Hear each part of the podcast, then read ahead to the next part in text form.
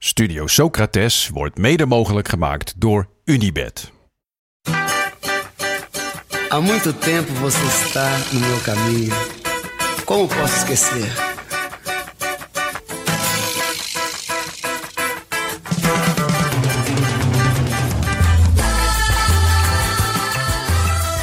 Welkom bij Studio Socrates, een podcast over alles wat voetbal mooi maakt. A beleza é você, menina. Ja, Jasper. En eh, er was weer een hoop, hè, dit weekend. Er was weer heel veel wat voetbal mooi maakte. En op Echt heel voorhand veel. was het een, een, eh, een weekend met veel affiches, vooral. Ja, met, met Toppers. veel toppers. Maar of we het daarover gaan hebben, dat, dat gaan we nog even niet verklappen. Maar er was heel veel moois. Er was, eh, er was genoeg in ieder geval. Ehm, maar eerst eventjes over, eh, over ons, over jou. Ben jij dit weekend eh, toevallig weer in Amsterdam-Noord geweest? Ik The place to be. ben, ik, ja, ik kan zeggen dat ik eh, Amsterdam-Noord dit weekend weer onveilig heb gemaakt. Maar ja, ik weet al waar je open hint. Ik was niet in Bar Benelux. Ik was daarnaast Ja, in daar ik. Garage Noord. Oké, Ehm, ook leuk. maar ons event eh, komt er ook aan. Het duurt Ja. niet lang meer. Nee, 18 februari hebben wij onze eigen Studio Socrates event in Bar Benelux in Amsterdam-Noord. Ehm, het wordt een avond over de liefde voor voetbal. We hebben een leuke gast, Josh van een store like 94. Er is eten, er is drinken. We gaan praten over voetbal. We gaan voetbal kijken. We gaan Pro Evolution Soccer 6 spelen. Eh, er is een winkeltje met allemaal mooie spullen eh, van Fanshoppie. Ehm Vorige week hadden we gezegd dat je moest RSVP'en via de website van Bar Benelux. Maar er zijn wat luisteraars die zeiden van dat dat niet kon of dat het niet werkte. Eh, dus bij deze, dat hoeft niet meer. Het enige wat je hoeft te doen is even komen. Eh, en als je helemaal zeker wil zijn van of er nog plek is, stuur ons dan even een berichtje. Dan komt het, dan komt het sowieso goed. Vinden we ook leuk om Toch? te weten wie er komt. Ja, En wat Ja. we kunnen verwachten. dus eh, kom. Ja, zondag 18 februari. Kom allemaal naar Amsterdam-Noord. Even kort, want het zi- zit niet in de aflevering van eh, deze week. eh, onze vier mooie momenten. Maar het was er natuurlijk wel. En we zitten nog steeds te kijken. De Afrika Cup. Ja, ja, we zijn aanbeland in de halve finales. Nigeria tegen Zuid-Afrika en Ivoorkust tegen Congo. Eh, en vlak voor het weekend en in het weekend ook nog, tenminste als je de vrijdag dan meerekent, waren de kwartfinales. En die ja, moeten we het toch even heel kort over hebben. Eh, Nigeria won met hangen en wurgen van Angola. Congo won met 36% balbezit van Guinea. Maar vooral de kwartfinales van Ivoorkust en, eh, Zuid-Afrika waren echt genieten. Eh Ivoorkust, Gastland natuurlijk, leuk dat ze er nog in zitten. Die ontsnapte met een man minder tegen Mali. Ze scoorden vlak voor tijd de gelijkmaker. En in de blessuretijd van de verlenging maakten ze ook nog de 2-1. Eh, met de absolute scenes na afloop. Dus als je dat nog niet gezien hebt, kijk het even terug, want het is echt de moeite waard. Eh, maar het allermooiste affiche was Zuid-Afrika tegen Kaapverdië. Eh, een wedstrijd die na penalties werd beslist, maar niet voordat er 41 doelpogingen werden verricht. De meeste voor Kaapverdië, die verdienden eigenlijk wel echt om door te gaan. Maar Zuid-Afrika ging door met penalties. Eh, en die serie was echt lekker. Heel veel gemiste penalties. Eh, heel veel psychologische spelletjes. En het allermooiste, een commentator die nou, iets deed waar ik nog steeds van moet lachen eigenlijk. en daar moeten we gewoon eventjes naar luisteren, toch? Ja, eh, laat, laten we dat maar meteen Ja. ja.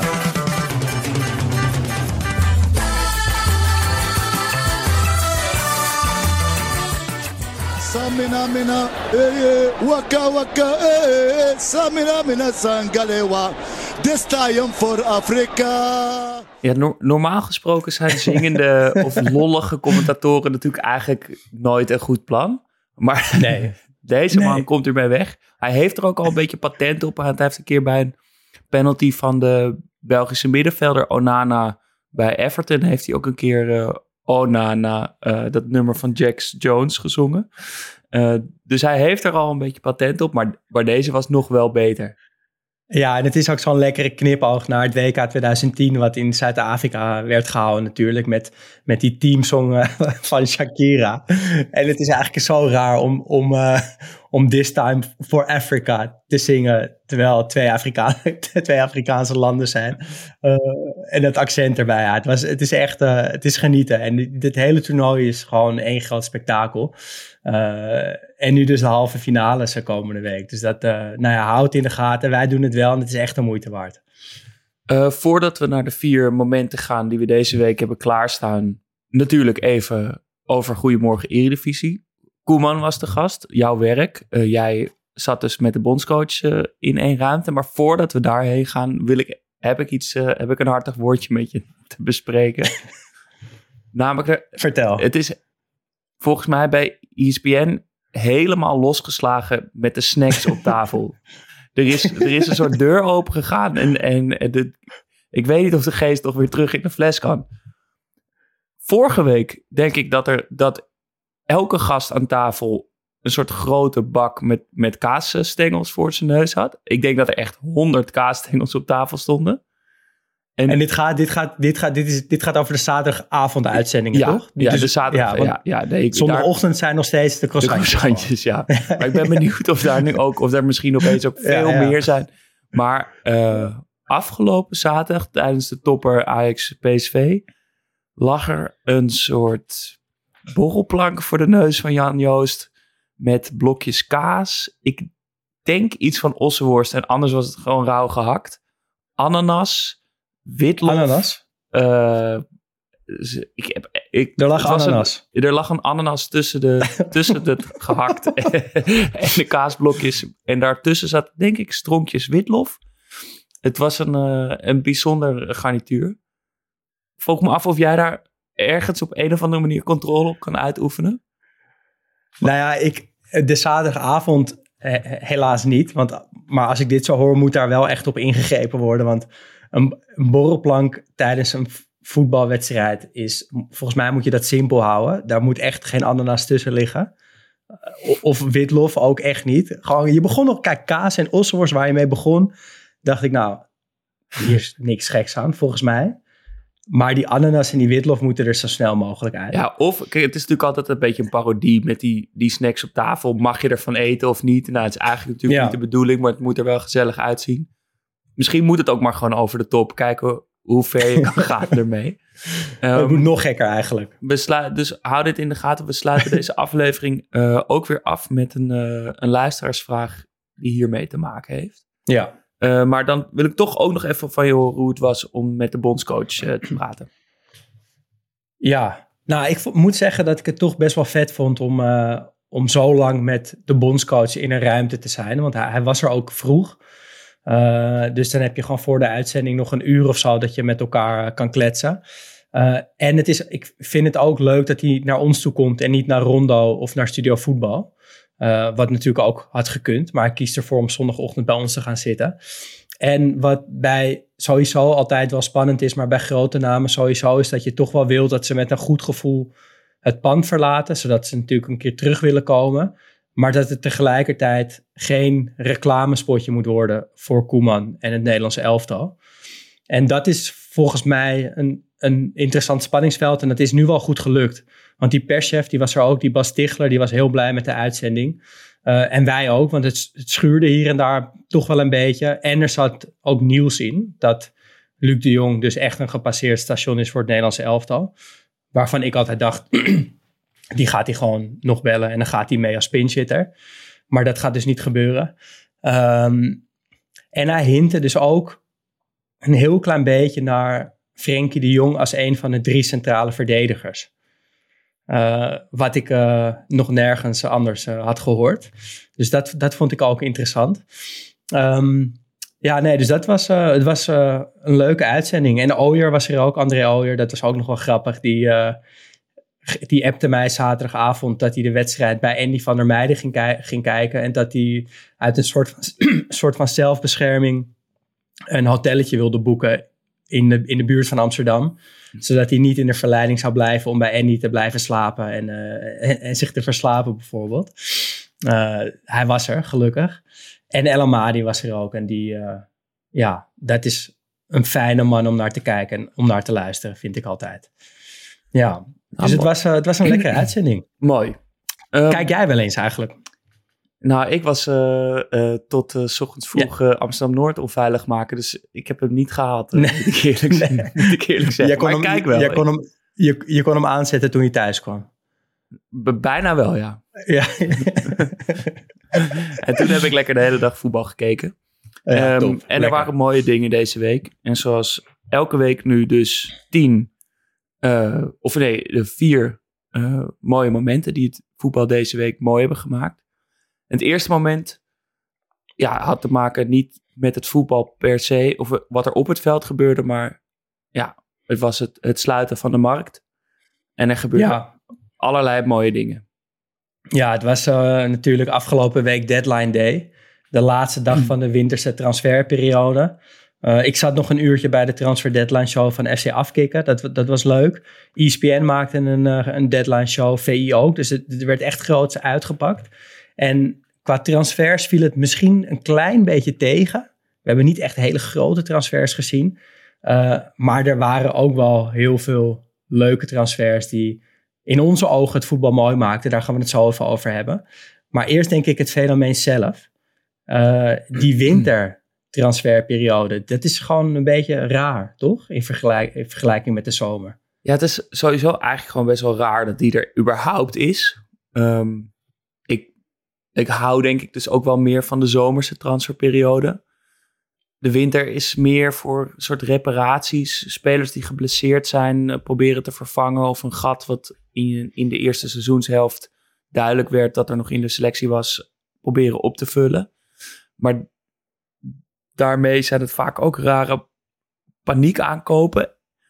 En dat is natuurlijk ook wel weer juist heel leuk dat het, het, de voetballerij met al die teams en al dat geld en al die mensen, teams, trainers, staf, scouts, rapporten, visies, doelen, eh, weet ik veel wat allemaal. Dat dat dan toch op zo'n heel raar moment van toevalligheden aan elkaar hangt. Hoe zo'n Ja. transfer wel of niet tot, tot stand komt. Ja, nou, dat- ik vind dat, ik, ik blijf dat een van de meest fascinerende dingen van de voetbalwereld vinden. Dat, kijk, als kleine club ben je natuurlijk wel een beetje overgeleverd aan de goden. Als die, als die transferbal gaat rollen, zeg maar, eh, ja, dan gaan er spelers bij jou weggekocht worden en dan kan je wel een heel leuk beleid hebben. Maar dan kan je gewoon, ja, daar, daar valt niet tegen op te, ja, te managen eigenlijk. Maar zelfs bij grote clubs is het gewoon één grote puinhoop soms, toch? Is het gewoon op hoop van zegen een speler kopen eh, voor veel te veel geld uit paniek.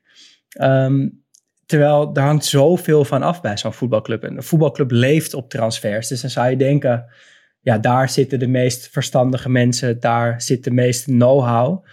Eh, maar het is eerder groot nieuws als een club goed beleid voert op gebied van transfers dan andersom. Bijvoorbeeld Brighton, die, die doet het heel verstandig. En dat, dat is dan, daar worden allerlei achtergrondartikelen over geschreven, hoe dat dan in elkaar steekt.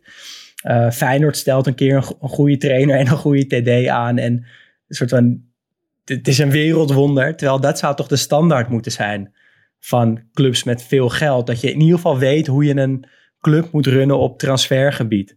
Eh, maar dat het dus altijd toch zo'n zootje is, dat, ja, dat is, ik vind het echt ongelooflijk hoe dat werkt. Ja, en, en helemaal bij die echt grote clubs, bij United, hoe, hoe het kan dat, zo, dat de grootste club ter wereld ongeveer ge- elke keer het, precies het verkeerde doet. Barcelona. ja, dat die dan Anthony kopen voor 100 miljoen. Terwijl dat, ja, eh, dat is trouwens sowieso iets waar clubs altijd mee moeten uitkijken, vind ik. Als een trainer bij een club komt en die, dat hij te veel soort van spelers gaat kopen met, haak, met persoonlijke haakjes. Dat is zo'n fout. want Je bent meteen chan- chantabel. Je Ja. krijgt rare scheve gezichten in de kleedkamer, neem ik aan. Met het idee dat er spelers zijn die worden voorgetrokken. Eh, die spelers zijn er misschien nog niet aan toe. Die gooien te veel in het diepe. Eh, helemaal mee eens. Ik vind eigenlijk, als ik er zo over nadenk, Real de enige club die het altijd rustig blijft en echt goed voor elkaar heeft. Eh, ze hebben nu misschien dan even geen spits. Maar dat is dan ook wel weer om ruimte te maken voor Mbappé volgend jaar. Eigenlijk de enige die alweer iemand hebben klaarstaan. als er een, oudgediende een beetje aan het eind van zijn loopbaan is. En gewoon met een visie, langere, een meerdere jaren plan. En dat het gewoon Ja. rustig blijft. En die hebben stiekem ook gewoon al heel veel jaar de beste spelers van Zuid-Amerika vroeg ingekocht. Eh, is nu ook weer die, die Endrik, die, die spits, is, is ook al eigendom van Real. Eh, dus die doen, ja, die doen het echt goed. Daar zit iemand die, die er dus wel heel veel eh, verstand van heeft. En, en los van of het, of het, eh, of het goed is, waar, waar, waar, moet, waar, wat is, waar moet een mooie wintertransfer aan voldoen? Ja, ik denk dat je eigenlijk in de winter niks moet doen. Eh, tenzij je dus voorsorteert op een vertrek van iemand in de zomer. Dus dat je een speler koopt die dan even een halfjaartje kan wennen. Zonder druk, zonder dat hij meteen hoeft te presteren. Daarvoor is de winter denk ik wel handig. Eh, maar als je ja, in de winter weet je, zo'n paniek aankoop doet. Zeg, laat het dan maar helemaal paniekerig zijn. Ja, gewoon maar heel random. Gewoon, zijn. ja, gewoon echt een verrassing uit de hoge hoek voor te veel geld. Eh, wat op papier al niet klopt. Wat een en al paniek is. Dat, da- daarvoor eh, leent die wintertransferperiode zich natuurlijk best wel goed. Ehm, en daar, daar zijn er ook wel weer veel van geweest deze Nou, winter. Kom maar op met, een- met een lijstje Toch? Van, eh, van een aantal rare transfers. Eh, Slimani, die Algerijnse spits van Coritiba in Brazilië terug naar België, naar Mechelen. Waar slaat dit op? Eh Deelrozen van Feyenoord naar Club Amerika. Vind ik, ja, slaat nergens op natuurlijk, maar vind Wel ik wel leuk. een mooie transfer op een Ja. of andere manier. Eh, Serge Aurier en Ca- Carlos Vinicius, die spits van Fulham, eh, allebei naar Galatasaray. Nou, meer Galatasaray wordt het volgens mij niet. Ik dacht dus ook dat Aurier daar al gewoon al voetbalde. ik dacht, hé, daar, daar speelde hij het al. Oh, het, het past zo goed dat hij dus naar Gala Ja. is. Nou, Ja, nou, dan een paar transfers die ik, die, die, ik, ja, die ik heel passend vond. Wat misschien nog wel wat kan worden. Saïd Benrama van de West Ham naar Olympique Lyon. Dat vind ik echt een Lyon-speler. Vind ik een leuke transfer. Eh Enes Unal, die, eh, die spits die vroeger bij NAC Breda zat van Getafe. Waar die helemaal niet past natuurlijk. Naar Bournemouth. Eh, die heel leuk voetbal spelen. Dus dat zou wel eens wat kunnen worden. Bertje Traoré, oud Ajaxiet. Van Aston Villa naar Villarreal. mooi. Myron Boadou van Monaco naar Twente. Gaan we het zo nog even goed over hebben ook. Lars Veldwijk naar het Hercules van Dick Schreuder. Dan krijg je dus een tandem van Medunjanin en Veldwijk. Op het tweede niveau, derde niveau, tweede, tweede of derde niveau in Spanje. Dat wordt echt heel leuk. En misschien wel de mooiste afgeronde transfer van deze winterperiode was Arturo Vidal. Die terug naar Chili ging, naar Colo Colo. En eh, die gepresenteerd werd vanuit een helikopter, werd hij op een paard gezet. Gaan we het ook zo nog even over hebben. zeker nog Ja. over hebben. Ehm, maar uiteindelijk was toch de mooiste transfer deze periode. Toch weer een transfer die niet doorging. Ons punt wederom weer is gemaakt dat de mooiste transfers de transfers zijn die niet doorgaan. Eh, een heerlijk verhaal. Een heerlijk interview. Eh Driwedge van eh, eh, ging niet naar Feyenoord en ging ook niet naar PSV. Ehm, maar het was, ja, het was een heerlijke soap. We gunden het hem, maar het was ook mooi dat hij uiteindelijk niet ging.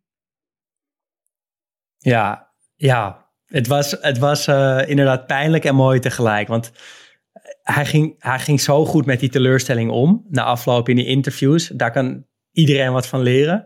En ook omdat hij in mijn optiek wel gewoon boos mocht zijn. Want er kwam een goed bedrag op tafel. Eh 4,5 miljoen volgens mij bijna. Eh, Excelsior kon Feyenoord en PSV nog tegen elkaar uitspelen. Ze hadden gewoon een keuze aan wie ze wilden verkopen. En Feyenoord bood bijvoorbeeld ook nog die Leo Sauer aan als, eh, ja, als een speler die ze dan tijdelijk konden huren. Maar het ging dus niet door. En dat was het mooiste van deze winterperiode, toch? Ja, dat interview Hoe dat ging, was precies. zo goed, want Ja. hij zat dus al in de auto. Of tenminste, er, er werd onderhandeld. En eh, hij was dus op een gegeven moment wel onderweg naar eh, Eindhoven, volgens mij, zegt hij in het interview. Maar ik, ik zie zo voor me dat hij dus, weet ik veel, de avond van tevoren hoort dat er interesse is. Die al niet kan slapen van opwinding, van wat gaat er gebeuren. Feyenoord mengt zich opeens in de strijd. Hij zit daar thuis, wordt helemaal gek, checkt zijn telefoon tien keer achter elkaar. Is er al een update? Nee, ze zijn nog bezig. Eh, ze willen nog een eh, verhuurconstructie. We zijn alleen maar, uh, hou het in de gaten, het gaat goed komen. Het gaat goed komen. Hij vreet zich daar helemaal thuis op. Op een gegeven moment denkt hij, ja, ik, ik, voor de muren komen op me af. Ik, ga, ik moet weg hier. En toen is hij dus maar gewoon in de auto gestapt. En op de ring volgens mij rondjes gaan rijden om maar snel alvast onderweg te zijn. Ik zie het ook voor me dat hij dus bij een benzinepomp dan maar is gestopt. Een beetje gaan hangen. Ja, moet ik nou linksaf of rechtsaf slaan? Uh, heel veel maar dat snoep, was letterlijk... De... Snoep halen. Niet door je keel krijgen van de spanning en de opwinding. ik zie hem gewoon zo met, dat, met zo'n spa rood flesje. Het, het dopje eraf, dopje er, eh, slokje en dopje er weer op. ja. Die, maar, en dan uiteindelijk na een heleboel rondjes gewoon toch weer naar huis en de volgende dag een wedstrijd. Ja, maar het was letterlijk de situatie dat hij in zijn auto zat en dat hij of naar Eindhoven zou rijden of naar Kralingen, gewoon naar Excelsior. En dat hij op de snelweg reed en dus niet wist of hij nou die afslag moest nemen of die afslag moest nemen. Hij heeft er nou, waarschijnlijk mooier. een paar keer langs gereden. Ik, ik zie voor ja. dat hij die rondjes over de ring rijdt en dacht... oké, okay, hier moet ik linksaf voor, voor Eindhoven... en hier moet ik uh, eraf voor, uh, voor Kralingen of ja. Feyenoord. Ja, mooier, mooier wordt het niet. En als je dan... Ja, de manier waarop je er dan mee omgaat... dat, dat, dat geeft het toch nog wel een... Uh, ja, een mooie afdronk of zo. En hopelijk gaat hij van de zomer gewoon een, een goede transfer maken. Punt, het eerste punt of moment van, van deze aflevering was dus ja, het, het, afsluiten. Deadline day was het dus eigenlijk, was het mooie. Um, tweede punt wat we hebben staan was eigenlijk een aantal transfers die in het teken stonden van de rentree. Dus de rentree ja. is dan punt twee deze week. Um, en want het waren er nogal wat. Misschien niet per se rentree bij oude clubs. Uh, in het geval van Vidal dan wel, maar ook gewoon terug in de, weer terug richting in waar je vandaan kwam. Uh, Henderson kwam terug in Europa, bijvoorbeeld. Hoe uh, vond je dat hij deed? Ja, prima. Uh, niet opvallend, maar dat is misschien juist wel waarom hij ook gehaald is. Hij kon het conditioneel allemaal goed aan. Had veel kilometers gemaakt en er was niks te zien. Dus dat is, dat is iets iets heel positiefs, denk ik. Voor Ajax en voor Engeland en voor hemzelf. Um, maar het zag er toch een beetje uit alsof je een fantasy team in een voetbalgame hebt gemaakt. Henderson in een Ajax shirt op die arena. Het, het, was zo random, ziet het er nog uit. Moet nog erg wennen. En, en geloof je hem? Want hij zegt natuurlijk de hele tijd, I dedicate my life to Ajax. I eat, sleep, uh, train Ajax. Ja, zo, hij, al, al die, ja. Hij ja, was ook bij jong Ajax gaan kijken en je ziet hem ja. die spelers net het bezig en zo. Dat, ik, ik geloof ook wel. Maar dit is dan toch ook een typische wintertransfer. Denk je dat deze transfer in de zomer ook tot stand was gekomen?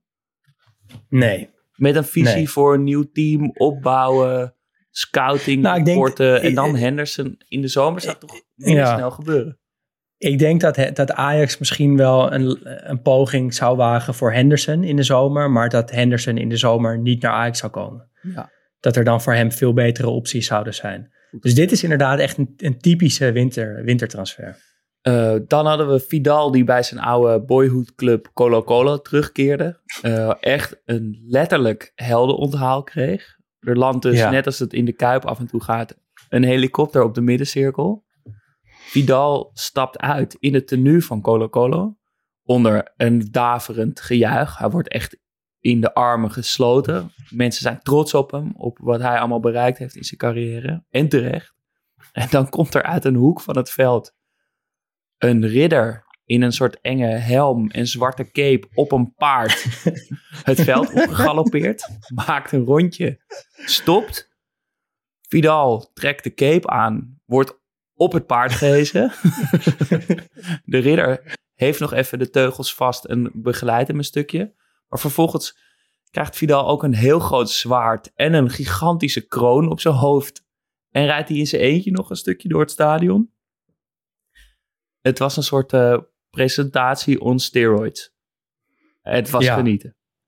Kijk dat echt even terug, want er zijn, je, je hebt wel eens opvallende presentaties gezien Maar dit was uh, nou inderdaad echt eentje on steroids. Gewoon op, op de Chileense manier. Is heel wat en, anders uh, dan een balletje hoog houden in de middencirkel.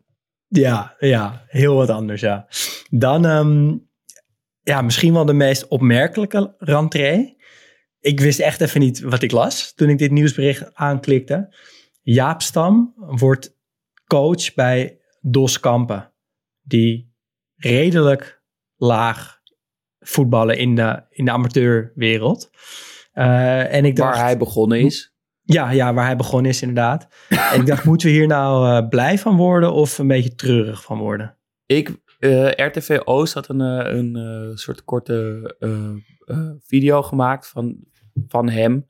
Hoe die daar terugkomt en hem geïnterviewd. en ik werd er echt heel vrolijk van. Ik vond het echt geweldig. Want ik had een beetje een hekel aan Stam gekregen als coach.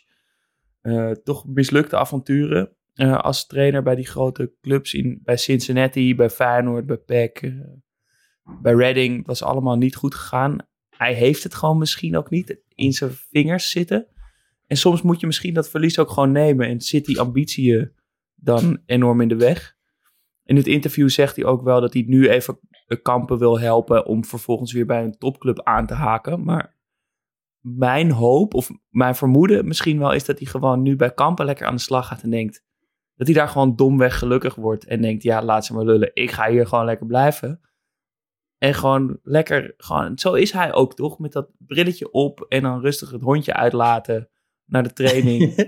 gewoon in zijn, op zijn, naast zijn ouderlijk huis wonen of zo. Dus soort helemaal op zijn plek zijn en dat accepteren en omarmen zou denk ik voor ons allemaal een mooie les zijn als het hem lukt om ja, domweg gelukkig in kampen te worden. Ja, nou, ik, ik, ik twijfel nog een beetje, maar ik, weet nu dat ik hier gewoon blij van moet worden. Van, uh, van Je moet hier blij mee zijn dan Stam weer bij een profclub laten mislukken. Klopt, helemaal waar. Um, waar ik uh, ook echt heel blij van word, is Charon Cherry bij uh, NEC terug uh, in de eredivisie. Hij heeft al veel clubs gehad, is er nu nog eentje bijgekomen. En ik vind het zo'n lekker mannetje. Terwijl hij is 35, maar het is gewoon een lekker mannetje. Hele goede voetballer ook. Hij, hij neemt NSC bij de hand. scoorde in zijn eerste twee wedstrijden en gaf zaterdag tegen Heracles een, geweldige no-look assist. En het mooiste was dat hij na de wedstrijd werd hem gevraagd van, uh, ja, waarom deed je het eigenlijk? Waarom gaf je die bal no look? En, en ja, hij, probeerde een antwoord te formuleren, maar uh, hij wist het eigenlijk niet echt. En, en, toen zei hij dat ook maar, van ja, ik weet eigenlijk niet waarom ik het deed. Het was gewoon uh, intuïtie. En dat is precies wat het voetbal zo mooi maakt. Dat hij wat doet in een, in een opwelling, dat het nog lukt ook. En dat hij in de afloop denkt, ja, ik weet eigenlijk ook niet waarom ik het deed, maar ik deed het. En het werkte. Uh, echt een hele, heel vrolijk werd ik uh, van Charon Sherry. Dus blij dat hij weer terug is in de Eredivisie. En dan hadden we nog een rentree. Uh, Boadu weer terug in Nederland. Um, had 68 seconden had hij nodig. 68 ja. seconden nodig om te scoren. Wat mij betreft ook de mooiste van, van deze lijst. Ik heb sowieso een zwak voor Boadu. Niet per se voor de voetballer Boadu, maar meer voor de man. Um, omdat je zo goed aan hem ziet hoe hij in zijn vel zit. Hij kan zo, ja, hij kan wekenlang niet scoren en in de knoop zitten en twijfelen en, en, en droog staan dus. Maar kan ook lekker in zijn vel zitten en lachen en dan elke week scoren. Dus het hangt zo goed samen met hoe die, hoe die is. Ja. Uh, het mooiste verhaal daarvan, waar ik nog vaak aan moet denken, is dat hij wekenlang droog stond toen een boswandeling maakte met Kees Kis, de oude ja, recorddoelpuntenmaker van AZ. En toen dat weekend volgens mij drie keer scoorde. Wat, echt geweld, wat ik echt een geweldig, geweldig verhaal vond. En het bewijs dat voetbal nog steeds de mooiste sport op aarde is. Zolang die verhalen bestaan. Uh, maar hij kwam terug om weer plezier in het voetbal te krijgen. Was het twee jaar lang uh, uh, helemaal ongelukkig geweest in Monaco. In Monaco sowieso natuurlijk de beste reden om een transfer te maken, om, om het plezier weer terug te krijgen. Leek al in de dagen voor de wedstrijd helemaal op zijn plek te zijn, dat het goed, gewoon het goed paste. Is volgens mij, de, de, volgens mij echt de beste club waar je naartoe kan gaan als je plezier in het voetbal wil, wil terugkrijgen. Ja. Toch? Bij FC Twente is het volgens mij echt heel leuk voetballen. Met, met Oosting, met Van Wolfswinkel en eh, die vrolijke Unuvar die er een beetje ronddartelt. Prupper als Echt een aanvoerder. hele, ja, volgens mij echt een hele leuke club eh, om te spelen. Ja, en het is toch wel geweldig dat er dat in voetbal zo vaak die verhalen rondkomen en als een soort filmscripts bijna te perfect zijn. Dat je dan invalt en, en eh, na 68 seconden scoort. Het, het wordt bijna ongeloofwaardig. Alsof er iemand dit van tevoren heeft zitten bedenken. Eh, ja, heerlijke transfer, heerlijk verhaal en een geweldige voetballer. Ehm, dan nog even kort over de rentree als, als fenomeen. Eh, is, dat, is een rentree, vind jij, mooier dan een nieuwe stap? Ehm, nou ja, de, de, de, het, kijk, er, ligt wat meer emotie op. En dat, is, eh, dat maakt het natuurlijk heel mooi, omdat je als club en als supporter vooral denkt te weten wat je kan verwachten. Maar daar schuilt volgens mij ook meteen het gevaar in. Want clubs verwachten en supporters verwachten altijd de speler terug die tien jaar eerder hun club verliet. Uh, maar die speler bestaat helemaal niet meer, want hij is tien jaar ouder geworden. Hij is vaak wat minder goed geworden. Hij komt vaak ook terug uh, bij een club die wat, wat minder draait. Of in ieder geval de, de match met de club is ja, waarschijnlijk minder goed dan het hoogtepunt waarop hij vertrok. Uh, en daarom zijn de verwachtingen vaak onrealistisch hoog. En kan het dus ook wel vaak een mislukking worden. maar dan is het wel een mislukking in schoonheid, vind ik. Bijvoorbeeld Robben bij Groningen, ja, voetballend is dat misschien een klein beetje mislukt. Maar dat hele verhaal en, en de wil van Robben om daar terug te komen. En dat, dat Groningen opeens die wereldster uh, op de velden had lopen. Ja, dat maakt het gewoon alsnog mooi. Ja, het was een enorm Toch? succes wel, zonder dat het nou Ja. se sportief succes was. Ik moet ook wel denken aan bijvoorbeeld Pogba en Ronaldo terug bij United. Of Ro- Rooney terug bij Everton. Ramos nu bij Sevilla gaat ook niet echt fijn. Bale nog terug bij Tottenham. Het, het werkte gewoon allemaal niet. Maar als een stad, zoals waar we het vorige week over hadden, dat een, een speler ook een soort van een stad kan worden. Als die de verloren zoon weer in de armen kan sluiten en een soort onvoltooid verhaal rond kan maken, dan is het het mooiste wat er is natuurlijk. Ja. Ehm, ik denk dat de Wat, wat mooiste... is het beste voorbeeld daarvan? Ja, ik zat te twijfelen. Het is of The Return of the King. Maar als, je, als er een rentree, bij Arsenal. ja, als er een rentree een eigen naam heeft en dat je daardoor weet wat het is, ja, dan hoort het per definitie in die lijst. Ehm, ja, en dat hij dus ook toen meteen scoorde op de Henry manier. precies hoe die het deed en het ja. juichen erbij. Zo, dat was wel heel vet. Ehm, maar de mooiste is denk ik Rijkaard bij Ajax. Omdat hij meteen de Champions League wint. En dan ook nog eens door drie keer van zijn oude club te winnen. Ja. Kan Ja, dat- het- dat is- dat is ook een te perfect filmscript. Ja, precies wat je net zegt. Dat, dat, eh, dat kan je niet verzinnen. En in het voetbal gebeurt het. En het is, ik, ik zie ook niet in hoe dit ooit mooier nog kan worden. Kan niet. Kan niet. Eh, het derde moment wat we eh, deze week hebben... komt uit de wedstrijd Everton-Tottenham. Een beetje was echt een hele leuke wedstrijd. ja, hele leuke wedstrijd op voorhand. Niet een van de affiches waar we echt klaar voor gingen zitten, maar wel echt van genoten hebben. Tottenham in die rare, maar wel echt vette shirts, vind ik. Echt mooi. Misschien wel een van de kanshebbers voor een shirt van het seizoen. eh, dit, dit seizoen. Die, wel, welke hadden ze ook weer precies ja, aan? het is een beetje een soort bruinig, mauve. ja, ja. Eh, er is veel discussie online wat voor kleur het nou precies is. Maar het is een heel atypisch shirt en ik vind het eigenlijk wel mooi. Everton, eigenlijk altijd een beetje een kleurloze club. Shirts van Hummel ook, dat zegt misschien ook wel genoeg. Eh, maar dit seizoen zijn ze helemaal een beetje een blinde vlek voor me. Ze hebben 10 punten eh, aftrek gekregen vanwege hun financiële huishouding. Wat voor fans echt natuurlijk kan, het kan niks frustrerender zijn dan dat. Dat, je, dat het niet aan, aan de sportieve ligt, maar gewoon aan, aan een Ja, stel maar- sukkels en- die verkeerd rekenen.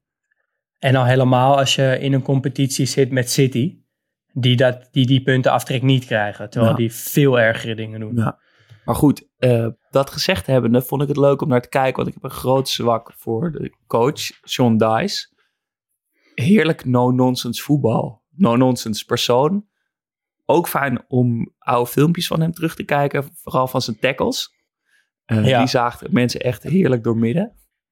Ja, en er is ook, er is ook een filmpje van eh, dat hij ergens, eh, eh, eh, zo'n trainersfilmpje, dat hij een tactiek uitlegt. Eh, maar dan legt hij gewoon de, de, de flat 4 voor toe uit. dus gewoon. dus, helemaal geen moeilijk gedoe met half space, weet ik veel wat. Gewoon vier verdedigers op lijn, vier middenvelders op lijn en twee targetmannen in de spits. Nou, het is echt geweldig. Het is zo Het hoort echt bij Engeland. Het is niet het mooiste Ja. voetbal, maar het is ook toch vaak zo dat, dat als het past bij een club en een speler, dan, dan, dan is het mooi. En dan kan dus een heel Ja. platte 4-4-2 ook mooi zijn. Maar waarom we deze wedstrijd eh, uit hadden ge- gekozen, was eigenlijk door de hele opvallende eh dode spelsituaties van Everton. En met name de corners. Ja, Eh, er kwam ook een goal uit.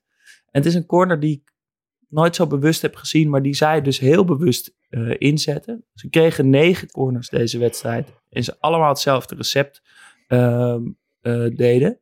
Namelijk één grote sterke speler recht voor de keeper. Die keeper eigenlijk in zijn doelgebied helemaal vastzetten. Dus binnen de, wat er mag, de grenzen opzoeken om het die eh, keeper zo lastig mogelijk te maken. En dan de corners zo indraaien dat ze eigenlijk van zichzelf al bijna het goal invliegen. Dat het al goal Ol- Olympico's worden.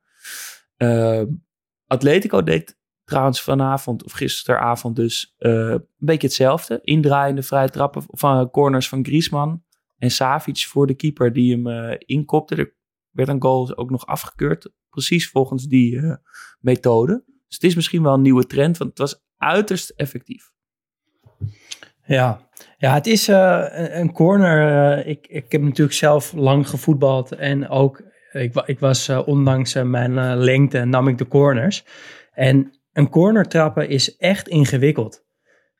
Echt heel ingewikkeld vind ik. Omdat iedereen kan hem natuurlijk wel, ja, regelmatig gewoon voor die goal slingeren. En dan gaat het soms goed en soms niet goed. Maar om een corner echt heel vast, heel goed te nemen, dat is lastig. En ik ben er bijvoorbeeld ook nog steeds niet over uit of een corner nou strak moet worden genomen of juist een klein beetje vallend moet. Eh, Everton deed natuurlijk, ja, deed dus eigenlijk best wel traag die corners. Eh, en ik kan me herinneren dat Gakpo dat bij PSV ook op een gegeven moment deed. Dat hij bijna een stiftballetje, ja, natuurlijk wel iets harder, maar een beetje dat idee dat hij op die manier corners nam. En dat het echt levensgevaarlijk was. Ehm, en dat dat dus ook een manier kan zijn om corners te nemen. En dan heb je natuurlijk het vraagstuk indraaiend of afdraaiend. Ik ben, ja, ik vind afdraaiend lekkerder. Dan kan je er en lekkerder tegenaan lopen als je kopt. En de keeper kan er minder makkelijk bij. Eh, maar Everton onderving dat dan weer door gewoon heel veel spelers rondom die keeper dus te zetten en hem wel gewoon in te draaien. Eh, ja, en dat schijnt dus ook te werken, want bijna elke corner was gevaarlijk.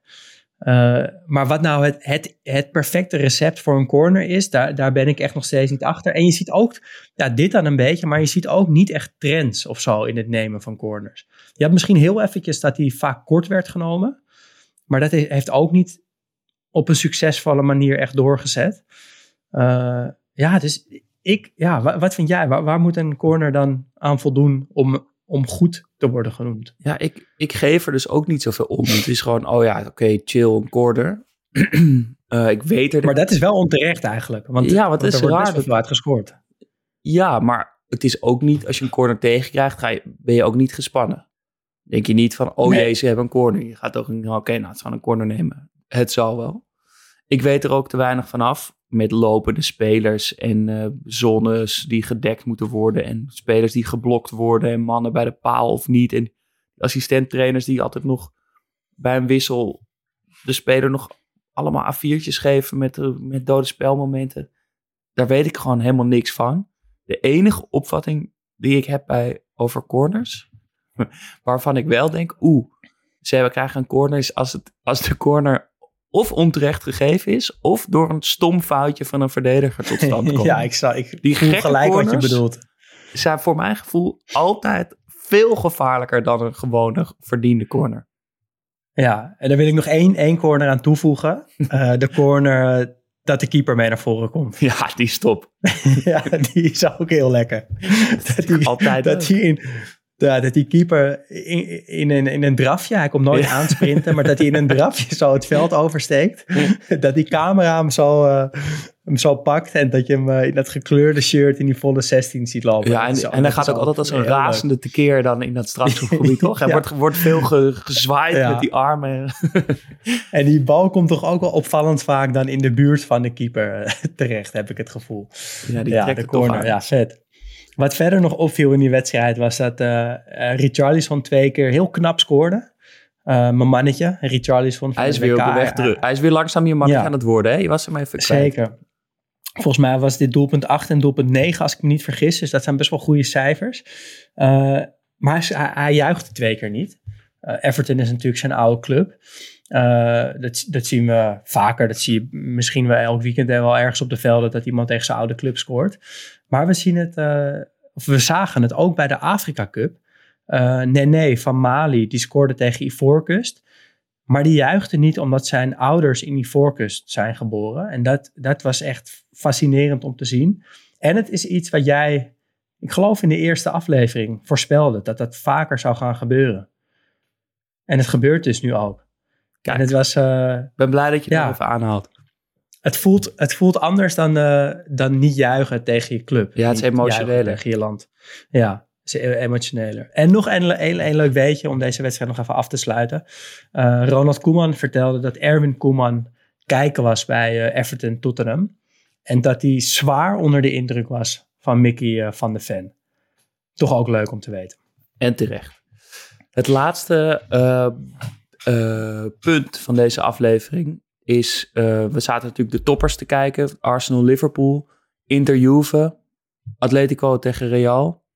Ehm, Hadden kunnen kiezen voor, eh, voor de assist eh, van Depay in de laatste minuut. Waardoor Atleti toch nog 1-1 eh, werd. had gekund. Maar er was eigenlijk iets wat nog mooier was, hè? Ja, en het, het, het viel me al een paar weken op, maar nu werd het echt duidelijk. En dat kan iedereen die ook met de randzaken van de randzaak die voetbal is, bezig eh, is, niet ontgaan zijn. De Adidas Predator is terug. De iconische voetbalschoen die een beetje ja, eind jaren 90, begin 2000 eh, opkwam. Ze hebben een nieuwe, nieuwe versie ervan gemaakt die teruggrijpt op dat iconische design. Ehm, Ja.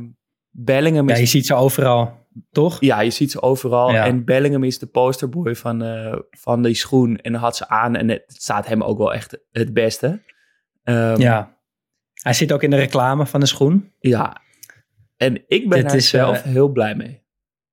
Ja, met die reclame of met de schoen? Of Ja, met, met de allebei? schoen. Ja, oké. Ja. ja, nou ja, ik, eh, ik iets minder, maar daar komen we zo op. Ik wil eerst even naar die reclame toe. Want dat, wij zijn natuurlijk opgegroeid met die iconische Nike-reclames. De, Cage en eh, dat het Braziliaanse elftal op het vliegveld aan het voetballen is. En, meer, van, eh, meer van zulks. Ehm, maar Adidas heeft het op zich ook best wel leuk aangepakt nu met, eh, met Bellingham in de hoofdrol. Die reclame, je, je, zie- je ziet hem in een kantoortje zitten bij een of andere professor. Ehm, hij ziet een, een, een meisje met heel veel kwaliteit een balletje tegen de muur schieten. En dat meisje heeft die predators aan en hij denkt, die schoenen die, die dat meisje draagt, die moet ik ook hebben. Dus eh, tijdens een moment van onoplettendheid steelt hij die schoenen van die professor. Hij schudt wat bewakers af eh, en rent het gebouw uit. eh, zo, snel mogelijk naar, naar een voetbalveldje. Daar doet hij die schoenen aan. En de eerste bal die die raakt, die, die peunt die eh, zo de kruising in. Eh, en het is, eh, het is best wel een leuke reclame. En het voelt ook heel erg als is, de blauwdruk van een voetbalreclame, toch? ja, maar wel de blauwdruk van een Nike voetbalreclame. Het is gewoon Ja, precies die ik wilde van niet Van zeggen, Gaal maar hij van voelt- It's just a ball, no it's rounder. En die, de, die Ja. ninja's. het is eigenlijk pre- bijna precies die, die reclame.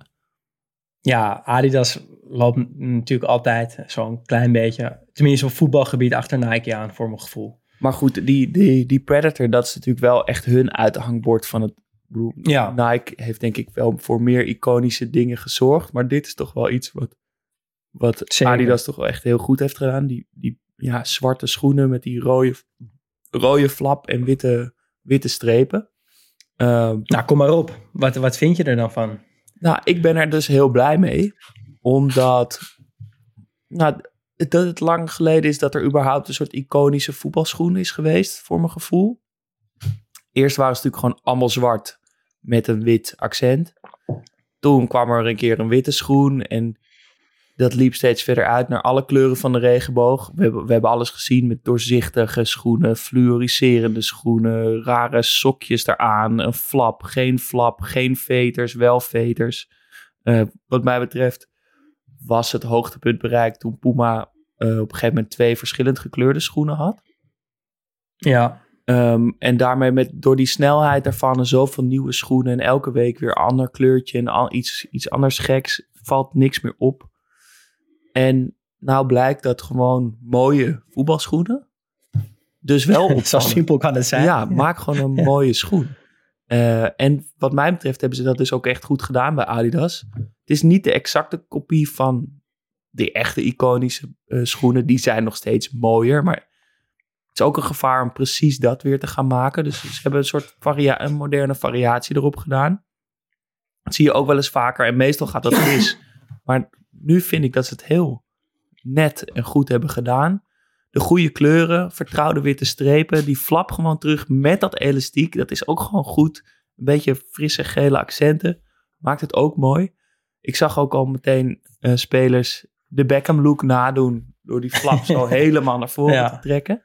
Um, ik heb het idee dat die flap er nu op gemaakt is. Want bij Beckham was dat in het begin natuurlijk niet zo. Die trok hem gewoon zo ver naar voren dat hij een, een, eigen dingetje ervan maakte. Maar ik heb het idee dat die flap nu iets langer is, zodat je hem ook makkelijker als Beckham kan dragen. En dat is ook helemaal oké. Ja, nee, zeker, ja. Um, ja, Beckham, dat, dat is, ja, dat is uh, natuurlijk de man samen met Zidane en, en Del Piero, denk ik ook een beetje, die die oude Predator heeft, heeft groot gemaakt. En ik kan toch niet, ik, ik raak niet los van die schoen. En dan moet ik dus ook wel met pijn in mijn hart zeggen dat ik niet zo, ja, ik ben niet zo'n fan van, van deze uitvoering. Ik vind hem, ik vind die oude gewoon echt veel mooier. En deze lijkt er dan wel weer te veel op om hem los te kunnen zien van die oude. Word je nou gewoon ook een um, oude nostalgische uh, cynicus?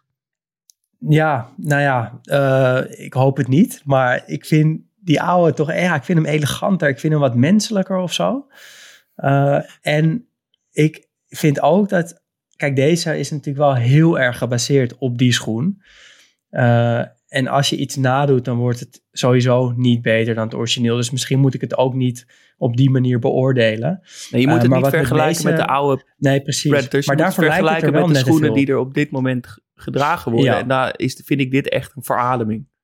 Ja, nou daar, daar kan ik me wel in vinden. Uh, alleen wat me het meest tegenstaat is dat ik ben het ook niet eens met de manier waarop Adidas deze schoen uh, ja, in tekst naar buiten brengt.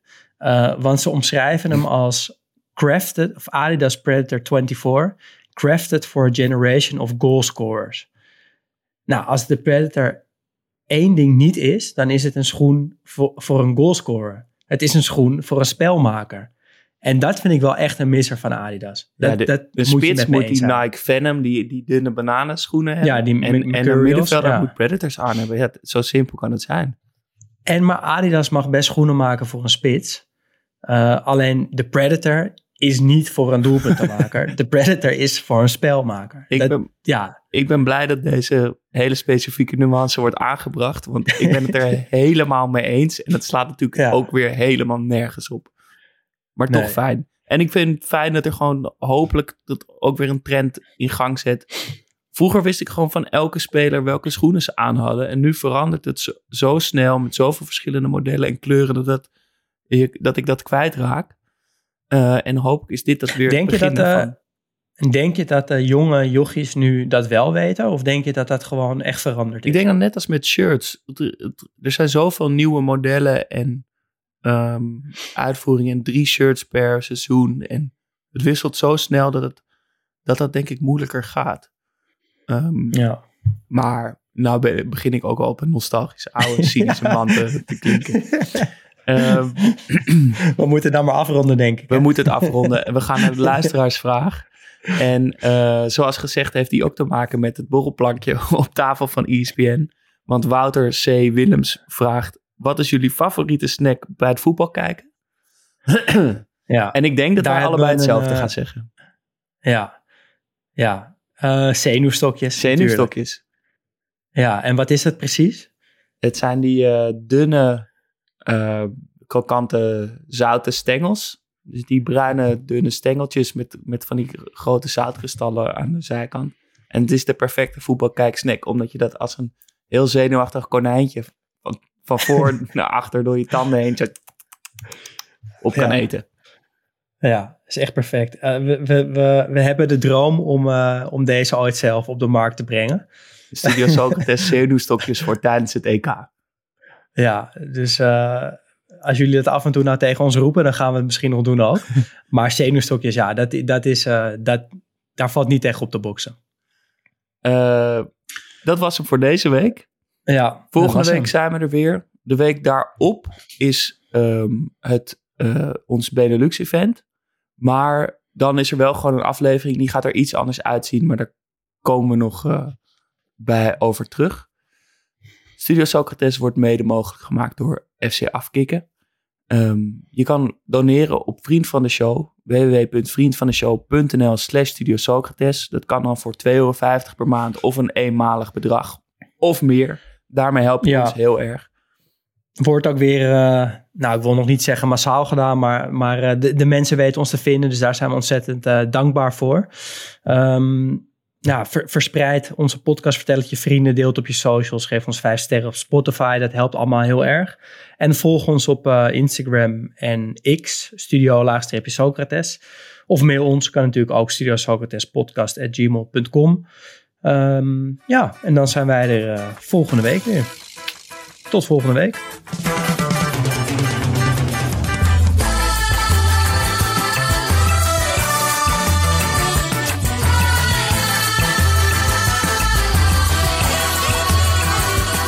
Beleza é você, menina. Menina, no seu jeito de olhar. O sucesso é você, menina. Menina, no seu modo de andar.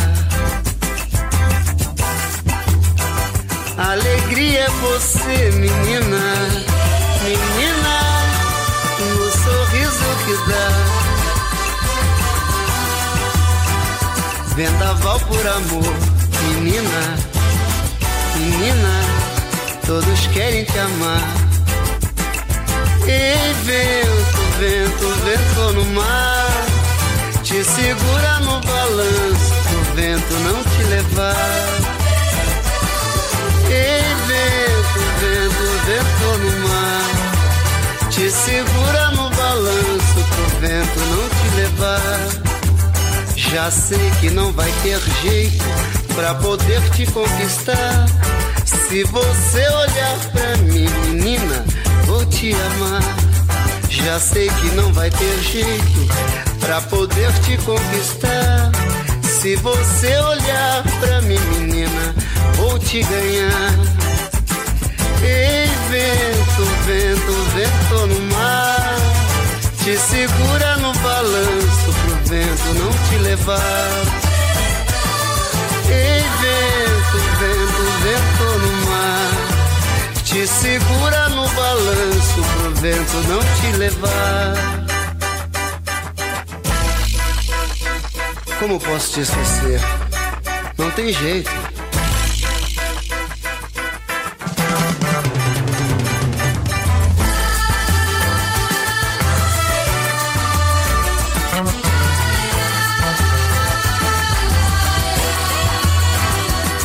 A beleza é você, menina, jeito olhar. O sucesso é você, menina, menina, no seu modo de andar. Alegria é você, menina, menina, no sorriso que dá. Vendaval por amor, menina, menina, todos querem te amar. Ei, vento, vento, vento no mar, te segura no balanço, pro vento não te levar. Ei, vento, vento, vento no mar, te segura no balanço pro vento não te levar.